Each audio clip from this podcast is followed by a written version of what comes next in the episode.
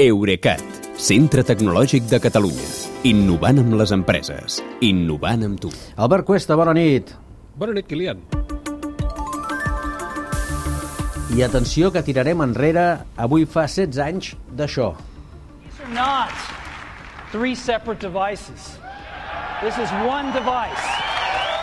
And we are calling it iPhone. iPhone. Steve Jobs presentant l'iPhone el 9 de gener del 2007. Uh, sí, uh, era, es fa 16 anys, exactament avui, era el Congrés Macworld de San Francisco, quan Apple encara no es muntava els seus propis uh, saraus de presentació, i com sentíem, Jobs explicava aquell aparell com la fusió d'un telèfon amb un iPod i un terminal d'internet, amb, amb una mateixa cosa. Tot i presentar-se al gener, no va sortir a la venda fins a finals de juny, només ho va fer als Estats Units i amb l'operadora AT&T dins d'un acord d'exclusivitat que s'havia negociat l'any anterior en secret a Barcelona. Ah. Durant la primera edició del Mobile World Congress, que encara no es deia ni Mobile World Congress, es deia 3GSM Congress, que es va fer aquí. Aquell primer iPhone era, de fet, era molt limitat comparat amb els d'ara. Portava pantalla de 3 polzades i mitja, 4 GB de capacitat, només era compatible amb les xarxes 2G, amb la, concretament amb la d'AT&T, i no tenia botiga d'aplicacions. Per no fer, eren, eren incapaç d'enviar missatges SMS. Però tot i això va revolucionar la indústria, com ja sabem, fins al punt que els models actuals d'iPhone aporten més de la meitat de la facturació d'Apple, que és l'empresa més valuosa del món.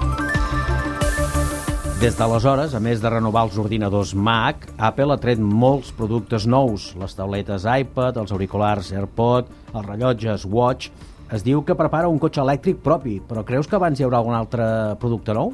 Eh, és probable, perquè el negoci d'Apple es basa, per una banda, en què els clients vagin renovant els aparells que ja tenen i consumint contingut de pagament, aplicacions i tot això amb ells, i, per altra banda, afegint-hi accessoris compatibles, que, com els que tu mateix has dit.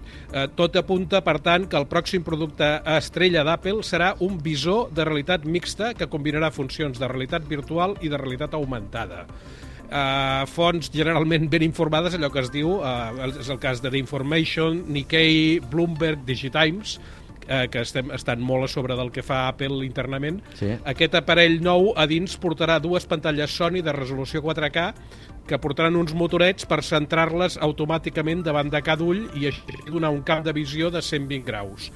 Amb un botó, l'usuari podrà ajustar la barreja entre les imatges virtuals i les del món real, que seran captades per diverses càmeres que portarà a fora. I també es diu que amb aquesta part de fora hi haurà una pantalla, aquesta de menys resolució, que reproduirà les ganyotes o les pressions facials de l'usuari perquè la persona que té al davant doncs, eh, se se senti més còmoda i vegi que està parlant amb algú.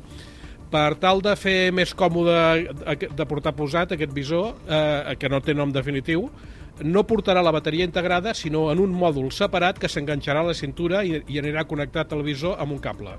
En canvi, per sentir les aplicacions s'haurà de fer servir algun dels auriculars sense fils AirPods més recents perquè amb els models Bluetooth d'altres marques diuen que hi hauria massa retard del so.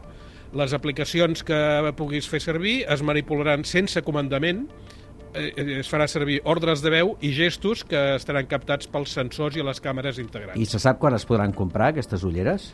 Uh, això no està confirmat, com, mai, com no estat mai confirmat amb el cas d'Apple. Se sap, sí, que la presentació s'ha anat endarrerint per problemes tècnics.